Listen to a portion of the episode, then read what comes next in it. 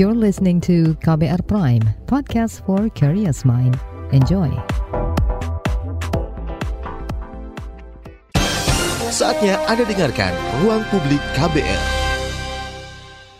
Ya, selamat pagi. Kita berjumpa kembali dalam Ruang Publik KBR. Dan pagi hari ini, kami mengangkat tema menyoal kesejahteraan guru dalam RUU Sisdiknas.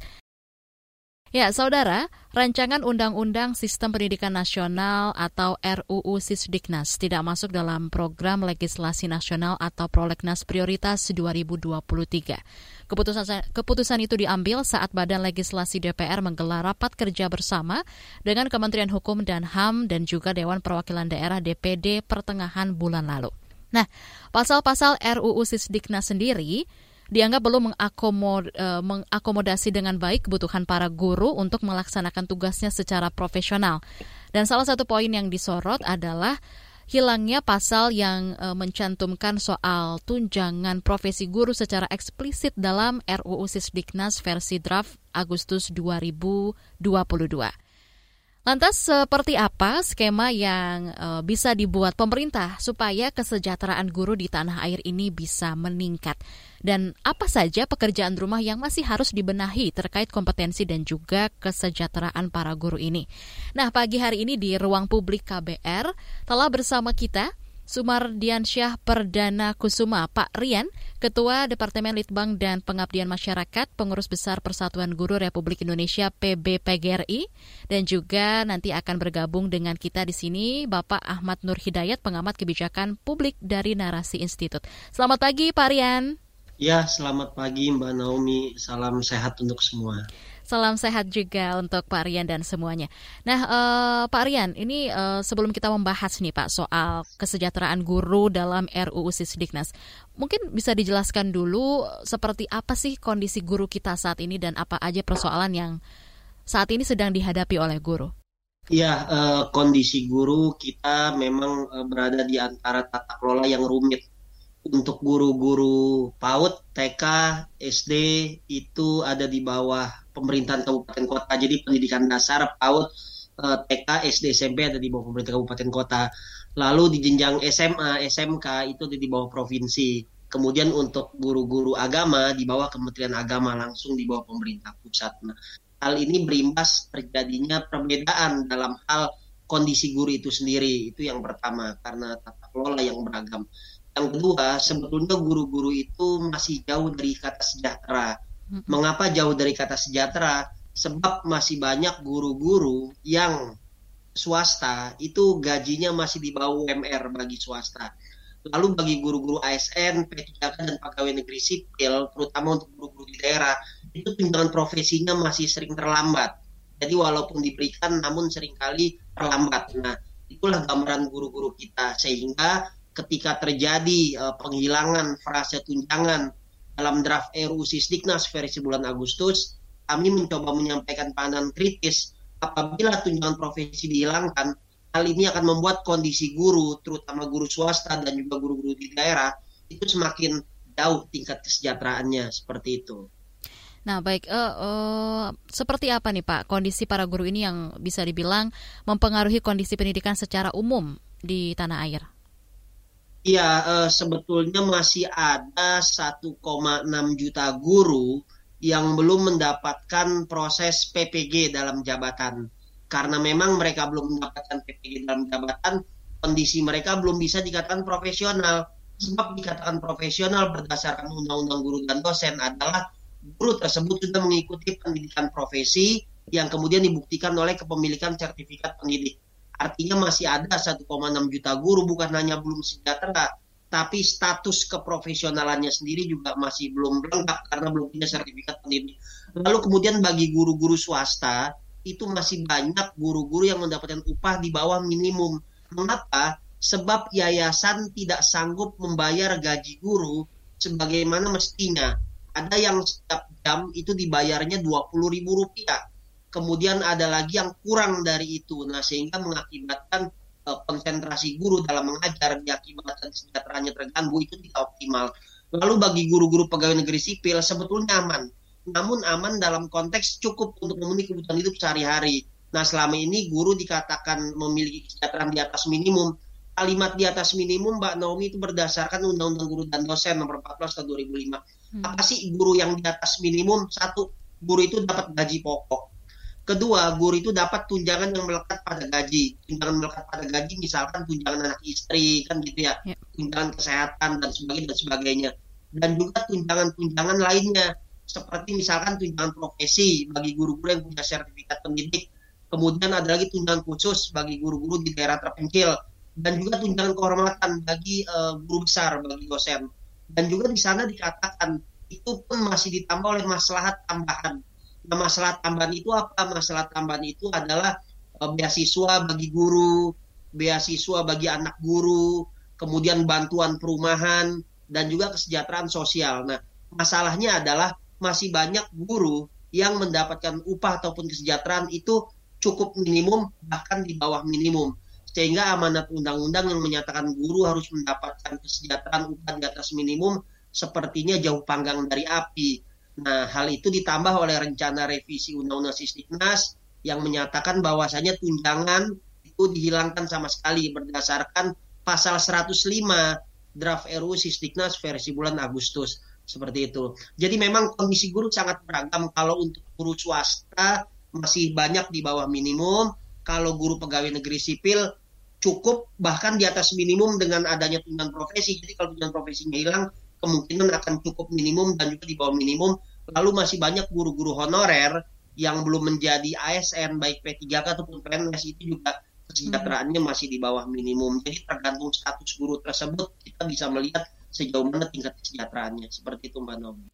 Baik, Pak Rian, uh, tadi terkait uh, tunjangan profesi yang uh, guru punya sertifikasi gitu ya. Ini apa tantangan terkait sertifikasi ini, Pak? Apakah prosesnya itu rumit atau berat atau seperti apa nih, Pak? Ya, jadi kalau bicara amanat Undang-Undang Guru dan Dosen pasal 82 itu pemerintah diberikan mandat untuk menyelesaikan PPG dalam jabatan selama 10 tahun sejak Undang-Undang Guru dan Dosen diundangkan.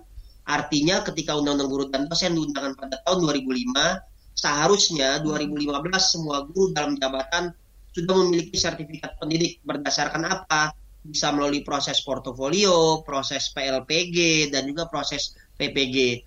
Namun memang sebuah ironi ketika tahun 2022 masih ada 1,6 juta guru dalam jabatan yang belum tersertifikasi. Nah, itu yang menjadi tantangan. Lalu lalu di mana hambatannya? Hmm. Hambatannya yang pertama tentu persoalan anggaran pemerintah tidak benar-benar serius memberikan kuota anggaran yang cukup agar amanat undang-undang guru dan dosen tertunaikan. Sebetulnya ini lepas dari target, Mbak. Dari 2015 sampai 2022 masih ada 1,6 juta guru. Itu problematika anggaran dan kita bisa memaklumi ya dua tahun terjadi COVID, eh, kemudian eh, banyak eh, pos-pos anggaran refocusing.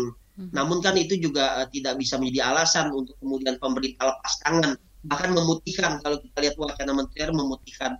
Yang kedua, problematikanya memang kita lihat adalah kuota yang terbatas. Karena anggarannya terbatas, maka kuota yang dibuka terbatas. Namun yang kami soroti adalah proses administrasi ketika guru-guru dalam jabatan di PP itu rumit. Syaratnya NUPTK, kemudian syaratnya juga harus uh, memiliki uh, pengalaman mengajar di dapur 3 sampai 5 tahun, kemudian harus melalui pretest dan berbagai administrasi yang rumit. Nah, kami berharap proses-proses penyederhanaan administrasi, kemudian penambahan kuota anggaran, kemudian penambahan kuota formasi untuk PPG dalam jabatan itu diberikan oleh pemerintah. Namun eh, kami juga memberikan pandangan jika memang proses-proses melalui PPG yang memakan waktu sekian bulan itu dianggap memakan energi dan biaya, sebetulnya cukup melalui portofolio, Mbak. Jadi 1,6 juta guru dalam jabatan kita seleksi berdasarkan portofolio rekam jejaknya, kemudian penilaian kinerja oleh pimpinan, dan itu bisa dilakukan dengan melibatkan organisasi profesi, salah satunya PGRI. Jika itu dilakukan, maka 1,6 juta guru dalam jabatan semua bisa terselesaikan, sehingga tidak ada lagi guru dalam jabatan yang tidak profesional hmm. dalam konteks tidak memiliki sertifikat pendidik. Barulah nanti para calon guru, para lulusan LPTK, mereka mengikuti PPG prajabatan melalui program pembinaan di LPTK seperti itu. Jadi memang PR kita adalah menuntaskan 1,6 juta guru dalam jabatan agar semuanya memiliki uh, sertifikat pendidik dan kami usulkan melalui jalur portofolio dengan melibatkan organisasi profesi, salah satunya ada PGRI. Demikian. Baik Pak Rian dan juga pendengar, ini sudah bergabung dengan kita di sini ada Bapak Ahmad Nur Hidayat, pengamat kebijakan publik dari Narasi Institut. Selamat pagi Pak Ahmad. Selamat pagi Naomi, apa kabar Pak Sumardiansa, sehat? Sehat, semoga Pak Nur Hidayat juga sehat. Amin. Baik. Baik, uh, Pak Ahmad, tadi kita sudah sempat ngobrol dulu ya dengan Pak Rian. Nah, ini uh, kalau kita mau tanya nih Pak, dari sisi penyusunan kebijakan publik, seperti apa peran partisipasi publik ini dalam satu negara? Ya, terima kasih Naomi. Saya kira dalam pandangan public policy, penyusunan eh, undang-undang ini merupakan satu hal yang penting ya, karena ini menyangkut uh, banyak uh, kepentingan ya, banyak stakeholder. Nah, kalau kita bicara khusus mengenai undang-undang Sesdiknas, maka stakeholdernya ini banyak ya. Yang pertama adalah para peserta didik, ya, kemudian juga para uh, pemangku kepentingan, ahli-ahli uh, pendidikan, dan juga yang paling penting adalah para guru, para pendidik. Nah ini agak memang uh, kontroversi dalam rancangan undang-undang Sesdiknas ini ya, di mana ada kesan dan ini sangat kentara sekali kesan itu, yaitu negara berlepas tangan terhadap kesejahteraan guru Nah, ini yang mungkin akan kita uh, elaborasi lebih dalam ya, di mana kesejahteraan para guru itu terkesatkan terabaikan setidaknya dalam rancangan yang saya baca, saya perhatikan yang edisi bulan Agustus ya. Di mana rancangan di Agustus itu agak berbeda dengan di bulan April. Kalau di bulan April kita masih menyaksikan adanya uh, klausul tentang kesejahteraan guru. Tetapi di uh, revisi yang Agustus itu saya kira uh, sudah hilang ya. Ini ini menjadi perhatian buat kita semua. Baik. Nah, uh, ini kan Anda sebelumnya menyebut ya kesejahteraan guru ataupun dosen ini sudah seharusnya menjadi salah satu hal yang fundamental ya bagi perkembangan pendidikan di negeri ini. Nah, dari sisi urgensi nih Pak, seperti apa Anda melihat urgensi ini dibuatnya RUU Sisdiknas? Ya, uh, urgensinya sangat besar sekali ya, di mana kalau kita bicara pendidik ya, pendidik ini kan adalah satu elemen penting ya dalam proses uh, pengajaran ataupun uh, pembelajaran kita. Bayangkan kalau dalam satu sekolah ya gurunya itu ya uh, uh-huh. tidak kompeten atau tidak ada bahkan. Lantas bagaimana proses pendidikan ini berlangsung gitu. Bahkan guru yang ada pun nah, itu harus kemudian kita tahu ada sertifikasi ya, ada satu uh, standarisasi dari guru itu. Apakah guru itu juga mengikuti perkembangan zaman ya, mengikuti perubahan perubahan-perubahan yang ada sehingga perubahan-perubahan ada itu bisa disalurkan kepada peserta didiknya. Ingat ya, mendidik generasi itu bukan mengajarkan tentang dunia hari ini. Karena kalau dia diajarkan dunia hari ini maka terlambat. Dunia pendidikan itu prinsipnya adalah mengajarkan para peserta didik itu dunia masa depan, dunia yang akan mereka lalui ke depan, bukan dunia hari ini karena hari ini mereka tentunya itu yang kita hadapi, para guru hadapi. Dan kita sebenarnya sedang mempersiapkan generasi untuk kehidupan mereka di masa depan gitu. Jadi seorang pendidik itu harus piawai, harus terampil, harus mengerti tidak hanya situasi hari ini, tetapi bisa membayangkan, punya imajinasi, ke depan itu akan seperti apa dan dia mengequip peserta didiknya itu dengan apa yang akan terjadi di masa depan. Misalkan ya kita bicara sekarang di zaman teknologi ya di mana banyak orang yang memprediksi bahwa pekerjaan-pekerjaan uh, administrasi itu akan hilang karena digantikan oleh robot. Ada yang mengatakan para kasir-kasir di bank itu akan hilang, CS center akan hilang. Nah, kalau kita menyiapkan peserta didik kita untuk menjadi uh, para uh, apa frontline di bidang perbankan, maka itu akan hilang. Lantas kita buat apa mendidik mereka seperti itu? Nah, berarti kan harus ada masa depan. Apa yang akan hilang pasti akan ada yang muncul. Nah, yang muncul itu adalah teknologi, coding dan sebagainya. Nah, para guru itu harus diarahkan ke situ. Nah, bayangkan kalau guru-guru kita itu tidak bisa berimajinasi karena kesejahteraannya tidak ada yang ngurus. Mereka akan outsourcing ya, artinya dia akan cari pekerjaan lain mungkin paralel dengan pekerjaan dia mengajar sehingga akhirnya dunia pendidikan kita tidak fokus. Nah, itu yang jadi persoalan dalam uh, rancangan undang-undang sistem ini. Baik. Pak Rian dan juga Pak Ahmad nanti kita akan lanjutkan kembali perbincangan kita di pagi hari ini. Ruang Publik KBR dengan tema menyoal kesejahteraan guru dalam RU Sisdiknas akan segera kembali. Tetaplah bersama kami. Masih Anda dengarkan Ruang Publik KBR. Commercial break. Commercial break.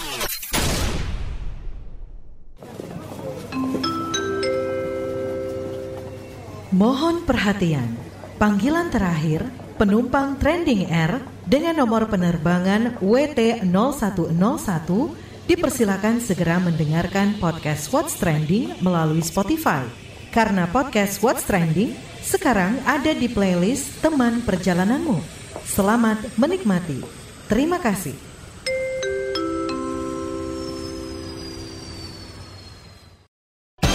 Masih Anda dengarkan Ruang Publik KBR. Ya, Anda masih menyimak ruang publik KBR dengan tema menyoal kesejahteraan guru dalam RUU Sisdiknas. Pagi ini kita masih berbincang dengan Bapak Rian, Ketua Departemen Litbang dan juga Pengabdian Masyarakat PBPGRI dan juga Bapak Ahmad, pengamat kebijakan publik dari Narasi Institut. Nah, tadi Pak Ahmad sempat menyebutkan ya eh, pendengar bahwa uh, bagaimana kita bisa menyiapkan masa depan anak-anak kita kalau uh, gurunya saja sampai saat ini masih belum sejahtera. Nah, um, kita mau ke Pak Rian nih sekarang. Pak Rian, uh, sebenarnya anggaran pendidikan itu berapa persen Pak idealnya yang ada saat ini? Ya, uh, yang pertama menyambung yang diskusi tadi ya, kita punya 2, juta guru. Dari 2, juta guru, 1 juta 200-nya pegawai negeri sipil sisanya adalah pegawai bukan pegawai negeri sipil. Termasuk di dalamnya honorer dan swasta. Dan memang masih sangat jomplang mayoritas guru-guru kita terutama yang bukan pegawai negeri sipil masih di bawah sejahtera. Itu yang pertama. Yang kedua sebetulnya amanat Undang-Undang Dasar 1945 yang diperkuat oleh Undang-Undang Nomor 20 Tahun 2003 tentang Sistem Pendidikan Nasional 20% anggaran pendidikan yang kita kelola. Nah, namun memang jika kita memahami politik anggaran di Kemendikbudristek total berdasarkan tahun 2021 Kemendikbudristek eh, itu sebetulnya tidak mengelola 20% sepenuhnya anggaran pendidikan. Jadi kalau kita bicara postur anggaran 20% dari total APBN itu kurang lebih 550 triliun. 550 triliun. Namun memang jika kita melihat data yang sampai di Kemendikbudristek hanya 80 sekian triliun. Tidak 20% full dikelola Kemendikbudristek, namun hanya sekitar 8, eh, sekian persen. Lalu ke mana sisanya dari 20 persen anggaran? Ini yang menjadi persoalan. Karena sesungguhnya dari 20 persen anggaran APBN tidak semua masuk ke Kemendikbudristek dan tidak semuanya untuk membangun pendidikan dari mulai PAUD, SD, SMP, SMA, SMK, perguruan tinggi. Namun disebar ke dalam 20 kementerian, disebar ke dalam 20 kedinasan. Misalkan eh, Departemen Pertahanan punya kampus Unhan itu ngambil pos anggaran 20%. Lalu Kementerian Keuangan, Dinastan itu ngambil dari 20%. Lalu kemudian kepolisian punya sekolah tinggi ilmu polisi juga mengambil eh, 20% dari total anggaran. Karena itu kami berpandangan sesungguhnya 20% anggaran itu harus dioptimalkan untuk apa? Untuk Kemendikbudristek.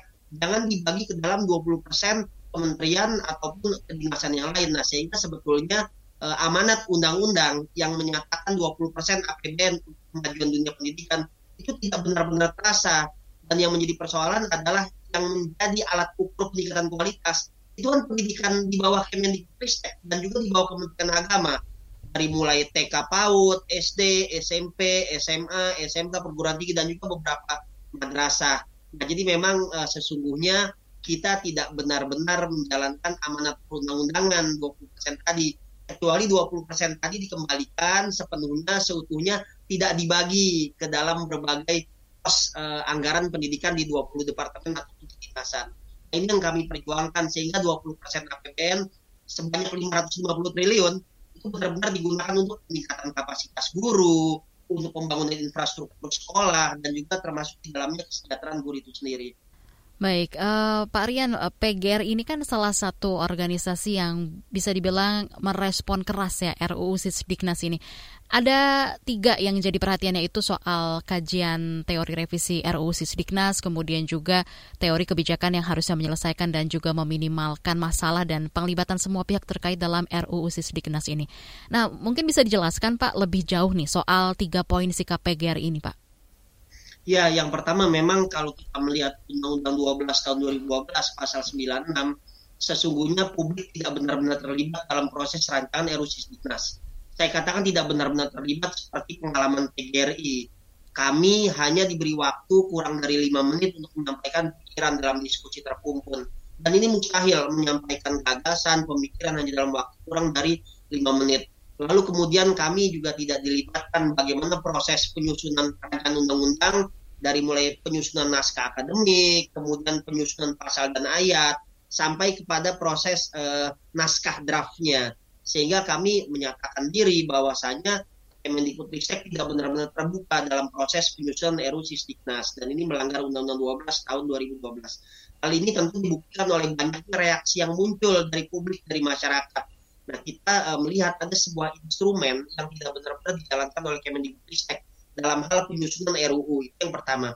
Yang kedua, dalam penyusunan kebijakan publik memang seharusnya di dalamnya berisikan harapan, mimpi, impian, bukan sebaliknya melahirkan pesimisme, melahirkan sebuah pertentangan sehingga akhirnya cita-cita untuk menghasilkan sebuah mimpi, konsepsi, gagasan yang harusnya disambut dengan baik itu malah memecah belah kita dikarenakan prosesnya tadi hmm. tidak berjalan secara transparan, tidak terbuka, tidak komprehensif, tidak melibatkan berbagai unsur. Unsur di sini adalah unsur kepakaran, uh, unsur praktisi, guru dan juga unsur dari organisasi profesi itu sendiri. Ada banyak kekuatan seperti NU, Muhammadiyah, PGRI, Katolik, kemudian uh, Protestan, Taman Siswa yang tidak benar-benar dilibatkan. Nah, makanya kalau kemarin lagi ramai tim bayangan, itulah yang sebenarnya bekerja. Bukan orang-orang yang selama ini berkontribusi ikut dalam upaya pendidikan, namun orang-orang yang yang sedo tadi, kalau orang-orang bayangan ngerekam jejaknya, uh, publik sendiri agak sulit memahami siapa pakar yang terlibat, dari organisasi mana. Nah, selama ini yang dimunculkan hanyalah kepala badan standar, kemudian uh, para dirjen. Bagi kami, kepala badan standar, kemudian dirjen itu bukan akademisi, mereka jabatan politik, mereka birokrat dalam konteks ini. Sehingga kami kesulitan ketika ingin mengajak dialektika kepada siapa kita mau berdebat. Mm-hmm. Nah itu yang kedua persoalan uh, kebijakan pendidikan yang justru malah membuat gaduh. Nah yang ketiga kami juga menyambut baik kemarin itu uh, Komisi 10 DPR melalui Balik menyatakan bahwasanya Undang-Undang Sistiknas yang masih berupa rancangan itu tidak masuk dalam prolegnas 2020 satu nah, dan akan ditunda untuk 2022. Ini merupakan momentum baik bagi Kemendikbudristek untuk berbenah dan juga mengumpulkan berbagai macam kekuatan serta mengkaji ulang pasal-pasal dan ayat yang memang bermasalah dengan melibatkan publik secara transparan, secara terbuka, secara komprehensif. Nah, itu yang kami harapkan sebetulnya sekarang ini. Nah, ini uh, pelibatan stakeholder lain ini kan sudah diamanatkan ya Pak ya dalam Undang-Undang 12 uh, 2011 terkait dengan pembuatan perundang-undangan. Nah, tapi seperti yang disampaikan dalam penyusunan RUU Sisdiknas ini pelibatan kelompok masyarakat sipil juga masih kurang. Apa saja nih uh, dampak yang bisa timbul bila sebuah aturan dalam penyusunannya tidak melibatkan kelompok yang akan terdampak akibat aturan tersebut nih Pak Ahmad? Saya kira kalau satu rancangan undang-undang tidak memenuhi prasyarat uh, pembentukan peraturan perundang-undangan, maka ini menyalahi aturan yang sudah disusun sendiri ya. Setidaknya ada yang disebut dengan partisipasi publik. Makanya ini saya kaget nih kalau Mas uh, Sumar Diansa tadi mengatakan PGRI hanya diundang 5 menit bicara dan itu pun saya kira tidak ada Q&A-nya. Maka itu hanya sekedar partisipasi yang sifatnya formalitas ya. Nah, dampaknya adalah begitu nanti RUU ini disahkan karena DPR nih kan punya uh, satu prinsip ya uh, biarkan uh, apa uh, anjing menggonggong kafilah terus berlalu begitu ya. Nah, ini nanti dampaknya adalah undang-undang ini tidak tidak partisipatif dan akan punya masalah ya dalam hal implementasinya. Dan kelompok-kelompok yang tidak puas, ya sebutlah teman-teman dari PGRI, teman-teman dari berbagai komunitas pendidikan, ini akan mengajukannya ke MK.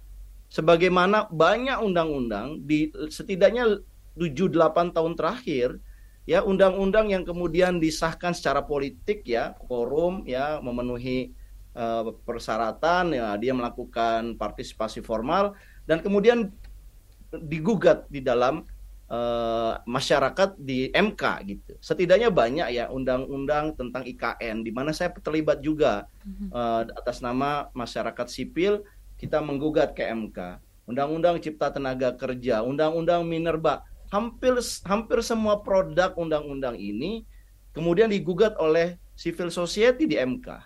Bahkan ketika akal sehat itu sudah mulai uh, beradaptasi di MK, argumentasi di MK, hakim ya kita tahu ya hakim yang dipilih oleh DPR yang katanya tidak mendukung undang-undang yang dikeluarkan oleh DPR, malah dia mendukung civil society, malah diganti gitu loh.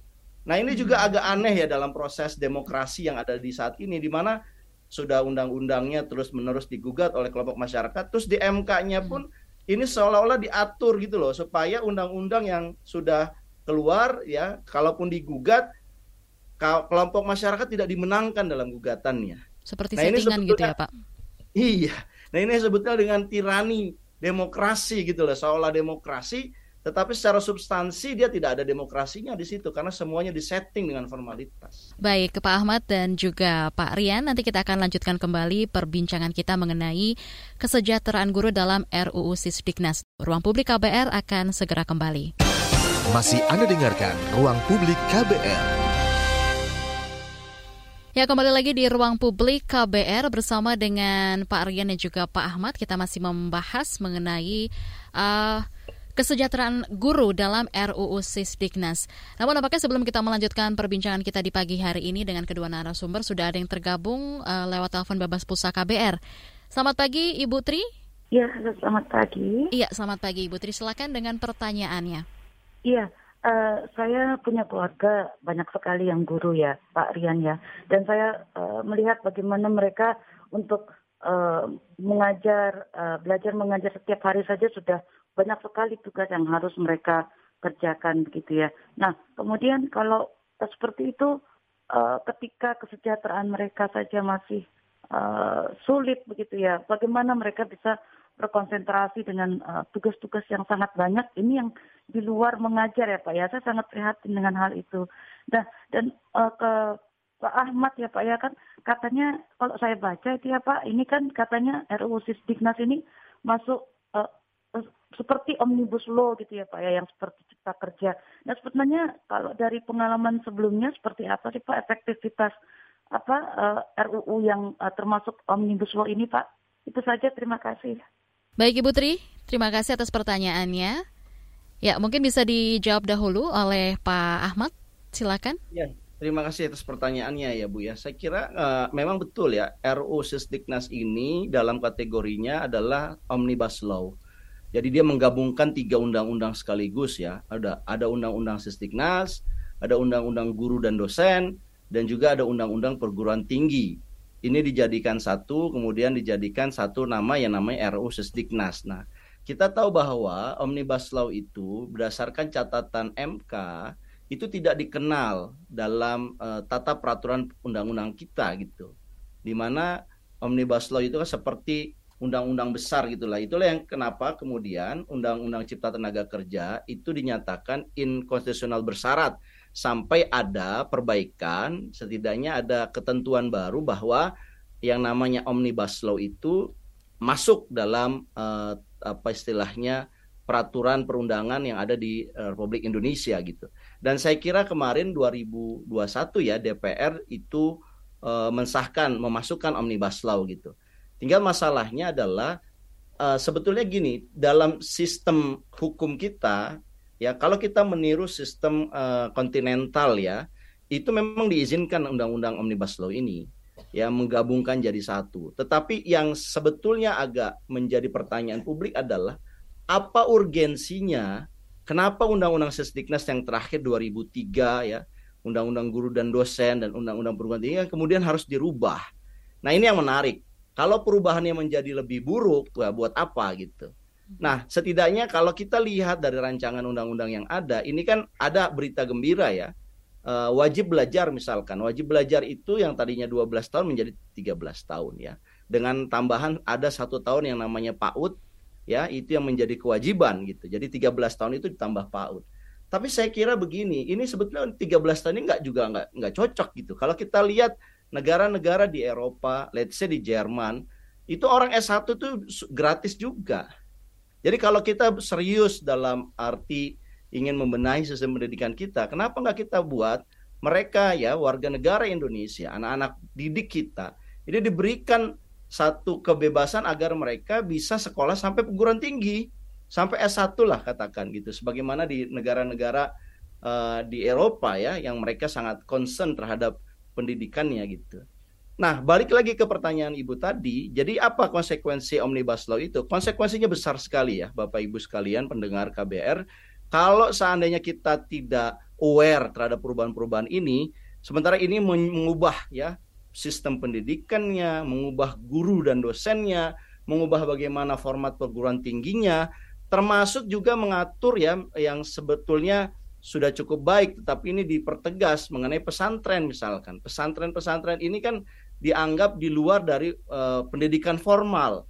Nah ini coba diatur agar pesantren-pesantren ini bisa uh, uh, menjadi pesantren yang formal dan apabila nanti ada pertukaran murid ya mereka bisa dikonversi ke sekolah-sekolah formal lainnya. Sebenarnya ya ini uh, perlu dibuat satu apa istilahnya debat publik terbuka dulu. Karena gini kaitannya dengan pesantren pesantren ini kan jauh sebelum Indonesia merdeka ini sudah ada gitu ya mhm. bahkan yang mengatakan di zaman para wali ini juga sudah ada gitu nah ini kan harus ada diskursusnya jadi terbuka gitu loh bagaimana merubahnya bagi jangan sampai kemudian formalitas ini membuat kekakuan sehingga bukannya alih-alih membuat orang-orang yang tadinya tidak masuk pendidikan formal yang mungkin karena keterbatasan mereka akhirnya terma termasuk uh, apa menjadi tereksklud lagi, yeah. termarginalisasi lagi. Nah, ini yang saya kira ada beberapa catatan ya. Kalau mungkin ada waktu, mungkin ada beberapa catatan yang saya sampaikan dari undang-undang ini di luar dari kesejahteraan guru.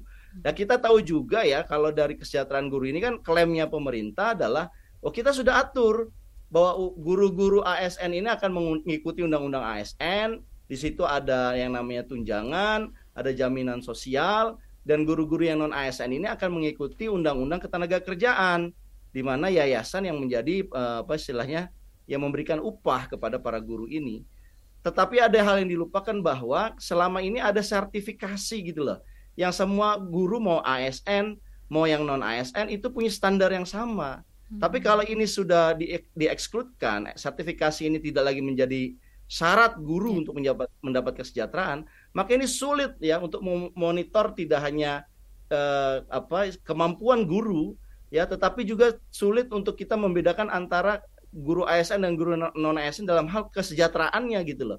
Kalau dilimpahkan kepada yayasan, nanti yayasan akan membuat uh, kembali lagi men, apa istilahnya mengambil dananya dari masyarakat gitu loh. Sehingga hmm. yayasan yang mengambil uh, dari masyarakat berupa SPP yang mahal lagi-lagi ini akan memarginalkan kelompok miskin. Saya kira ini emang ini undang-undang ini banyak sekali uh, hal yang perlu kita diskusikan lebih lanjut, Mbak Naomi ya. Baik, Pak Ahmad. Mungkin ada yang ingin ditambahkan dari Pak Rian mengenai pertanyaan dari Ibu Tri tadi? Ya, uh, karena itu kami di PGRI memperjuangkan agar spirit yang sudah baik dalam Undang-Undang Guru dan Dosen itu dicantumkan kembali dalam undang-undang Sisdiknas ya yang berupa rancangan itu satu. Yang kedua betul yang uh, Pak Ahmad sampaikan tadi kalau mau bicara jujur ada banyak celah dalam rancangan undang-undang Sisdiknas yang bisa kita kritisi pasal per pasal ayat per ayat. Kami selalu mengatakan dari PGRI isu kesejahteraan, penghilangan tunjangan itu hanyalah trigger, hanyalah puncak gunung es yang menggambarkan betapa rancangan undang-undang Sisdiknas itu sangat rapuh. Dan tadi bicara wajib belajar, ada yang paling fatal sebetulnya dalam uh, versi bulan Agustus uh, pasal 1 ayat 13 di situ dijelaskan bahwasanya wajib belajar tidak menjadi tanggung jawab pribadi tidak menjadi tanggung jawab pemerintah tapi menjadi tanggung jawab pribadi warga negara sehingga impian agar pendidikan bisa gratis bahkan sampai perguruan tinggi itu kemungkinan akan sulit realisasi karena tidak tercantum dalam perundang-undangan yang mana kalau kita lihat uh, rancangan undang-undang versi bulan Agustus dibandingkan dengan Undang-Undang Sisdiknas nomor 20 2003 itu menyatakan yang namanya wajib belajar tanggung jawab pemerintah. Sedangkan di dalam RUU Sisdiknas yang baru, wajib belajar tidak menjadi tanggung jawab pemerintah. Dan ada banyak pasal lain termasuk uh, hilangnya frase sejarah Indonesia sebagai muatan kurikulum dalam uh, sistem pendidikan nasional kita. Mm-hmm. Jadi sebetulnya uh, ini merupakan uh, apa ya? Uh, harusnya pemerintah berterima kasih Kemendikbudristek karena ada banyak pakar seperti dari PGRI, seperti dari Pak Ahmad yang menyampaikan masukan-masukan secara mudah kan kita sebetulnya hanya uh, ingin pemerintah mendengar lalu lakukan perbaikan gitu loh. Hmm. Jadi nggak perlu membayar 400 tim bayangan karena pandangan-pandangan kritis konstruktif itu sudah banyak muncul di ruang-ruang publik. Nah ini yang, yang perlu diakomodir oleh pemerintah. Itu yang paling penting sebetulnya. Baik, Varian. Nah, eh, saat ini kan RUU Sisdiknas itu tidak masuk Prolegnas 2023 ya Pak ya. Artinya masih ada kesempatan untuk membahas draft yang disusun pemerintah. Nah ini seperti apa nih Pak optimisme Anda akan dilibatkannya masyarakat untuk pembahasan RUU Sisdiknas ini ke depannya? Atau uh, ya. partisipasi seperti apa nih yang ideal untuk menampung dan juga mengakomodir berbagai pihak terkait? Betul, uh, kami menyambut baik uh, upaya dari balik menunda undang-undang ini tidak disahkan dalam prolegnas prioritas 2022 melainkan nanti 2023. Nah dan lagi-lagi bolanya di tangan Kemendikbudristek sebetulnya mau tidak dia menjalankan amanat Undang-Undang Nomor 12 Tahun 2011 ya tentang penyusunan perundang-undangan dengan melibatkan partisipasi publik. Sesungguhnya berbagai masukan dari berbagai stakeholder berupa analisis pasal per pasal, ayat per ayat itu sudah ada, hmm. termasuk dari PGRI. Dan kalau kami meminta adalah frase tunjangan, baik itu tunjangan tunjangan profesi bagi guru dan dosen, tunjangan khusus guru daerah terpencil, lalu tunjangan kehormatan bagi guru besar, itu dimasukkan dalam batang tubuh, bukan di bagian peralihan ataupun penutup. Nah, sederhana saja, berbagai masukan yang sudah ada, dipertemukan, difasilitasi, lalu kemudian kita lakukan perbaikan. Dan itu eh, PGRI selalu menyampaikan penundaan Undang-Undang Sisdiknas bukan penundaan untuk dibatalkan, melainkan penundaan untuk dilakukan perbaikan sebab pada hakikatnya kami menyambut baik upaya perubahan uh, undang-undang sistem pendidikan nasional agar relevan dengan perkembangan zaman. Namun tadi yang Pak Ahmad sampaikan jangan sampai niat mulia ini, spirit yang baik ini ternodai oleh upaya-upaya dari Kemendikbudristek yang tidak benar-benar menjalankan prosedur, melibatkan publik dan hanya menjadikan undang-undang ini sebagai alat untuk melegitimasi berbagai kebijakan Kemendikbudristek yang sedang berjalan.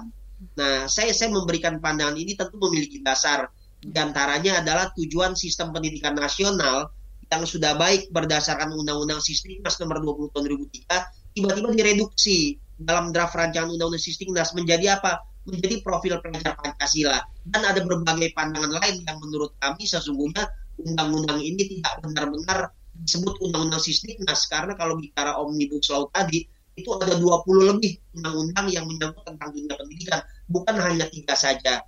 Nah, jadi tadi uh, pemerintah harusnya berani untuk uh, jujur menyatakan memang ada kekeliruan dalam proses rancangan undang-undang ini dan mereka belajar dari sejarah seharusnya dilakukan upaya perbaikan dengan melibatkan semua baik dari unsur kepakaran, unsur organisasi profesi ataupun publik e, masyarakat luas pada umumnya. Seperti itu Mbak Naomi. Baik Pak Rian dan juga Pak Ahmad, nanti kita akan sambung kembali obrolan kita mengenai kesejahteraan guru dalam RUU Sisdiknas. Ruang Publik KBR akan segera kembali. Masih Anda dengarkan Ruang Publik KBR. Commercial break. Commercial break.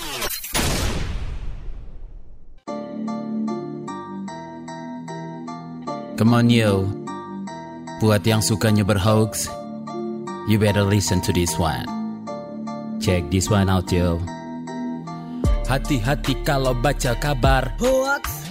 Jangan langsung disebar kabar yang hoax. Kalau mau tahu kabar benar atau hoax, dengerin cek fakta yang pasti bukan hoax. Dengerinnya setiap Senin yang jelas bukan hoax. Cuma ada di kbrprime.id dan aplikasi podcast lainnya. Hoax. Sudah cukup cukup hoaxnya? Hoax. Cukup. Jaga emosi, tahan jari, verifikasi sebelum dibagi. Saya Ari Bowo Sasmito, Ketua Komite Pemeriksa Fakta Mafindo. KBR Prime, podcast for curious mind. Masih Anda dengarkan Ruang Publik KBR.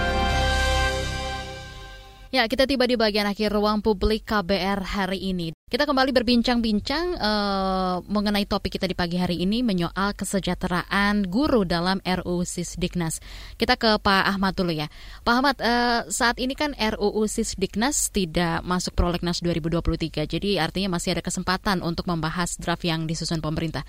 Ini bagaimana nih Pak mendorong pemerintah supaya membuka ruang partisipasi seluas mungkin supaya masyarakat ini terutama dalam pembahasan RUU Sisdiknas Ya, saya kira di sinilah perlunya uh, humble-nya pemerintah ya. Jika memang belum dimasukkan dalam rancangan prolegnas di 2023, berarti masih ada waktu untuk menerima masukan dari teman-teman PGRI, dari asosiasi yang lain terhadap undang-undang ini. Ya, jangan sampai ini pemerintah menunjukkan ya uh, apa istilahnya otot kekuasaannya ya, muscle of power-nya sehingga Anda tidak kami tidak butuh Anda asosiasi PGRI, kami bisa kok sendiri apalagi dia katakan dia punya 400 tim yang begini kan? Yang kalau dalam YouTube-nya itu yang mirroring dengan uh, dirjen.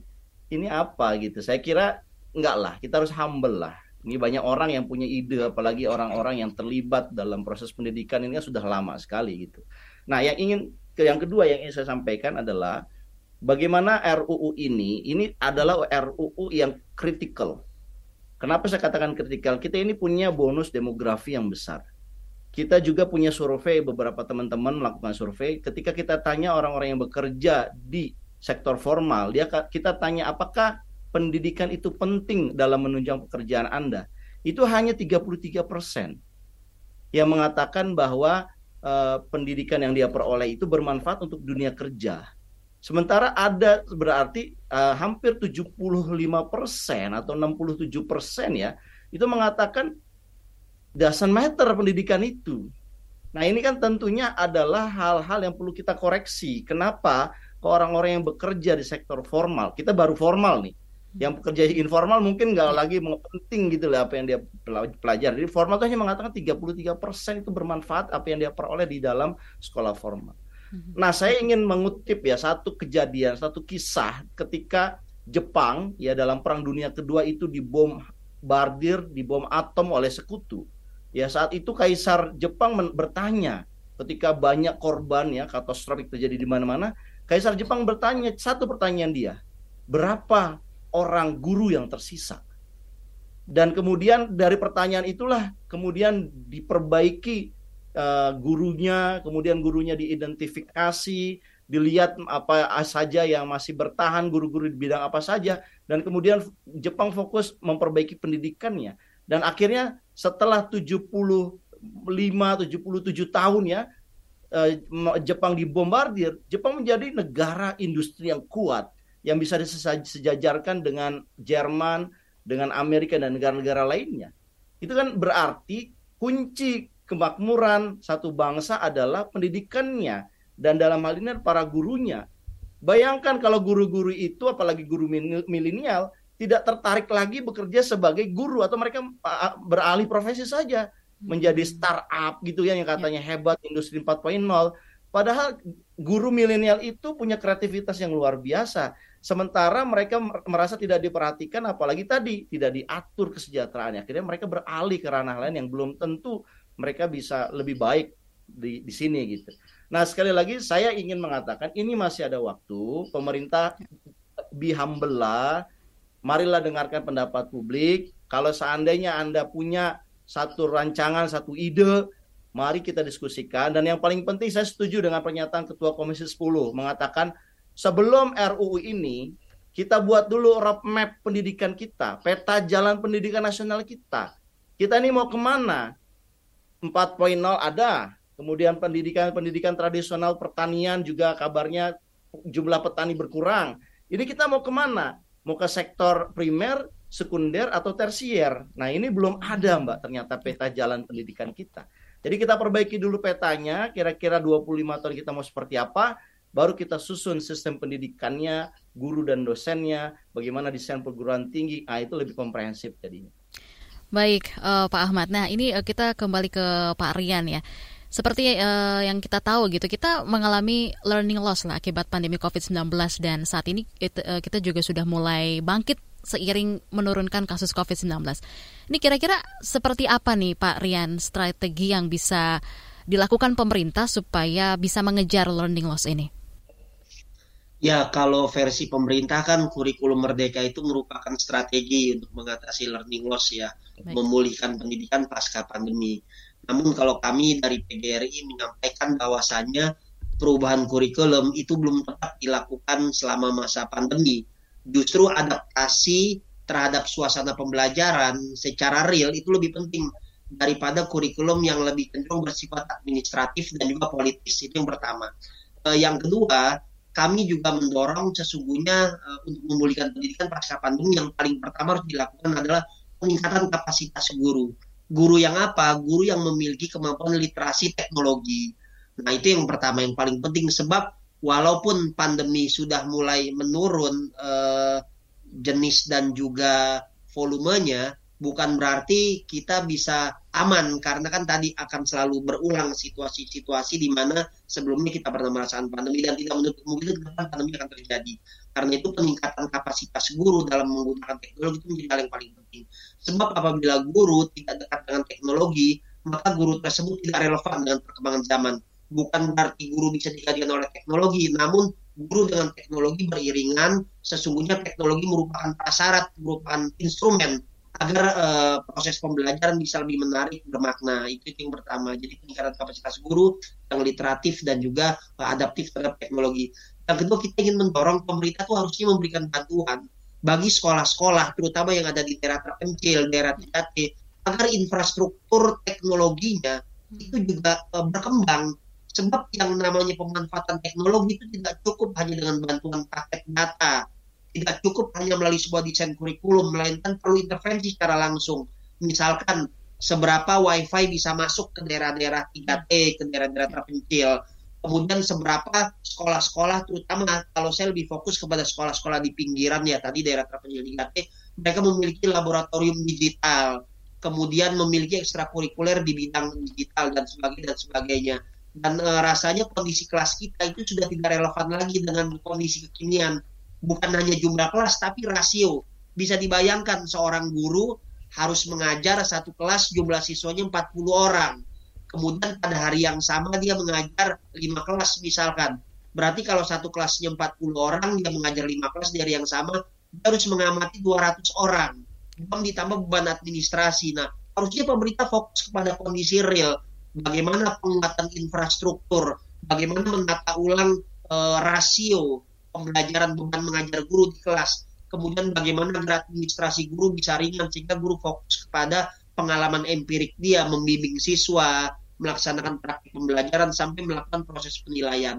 Nah, jika ini dilakukan dengan berdasarkan otonomi yang luas bagi sekolah untuk mengembangkan kurikulum, ya. maka kurikulum bukan hanya kebijakan politik dari atas, tapi betul-betul kurikulum itu membumi dari bawah, dikembangkan, disusun oleh sekolah, dan juga berfokus kepada uh, guru dan juga siswa itu sendiri.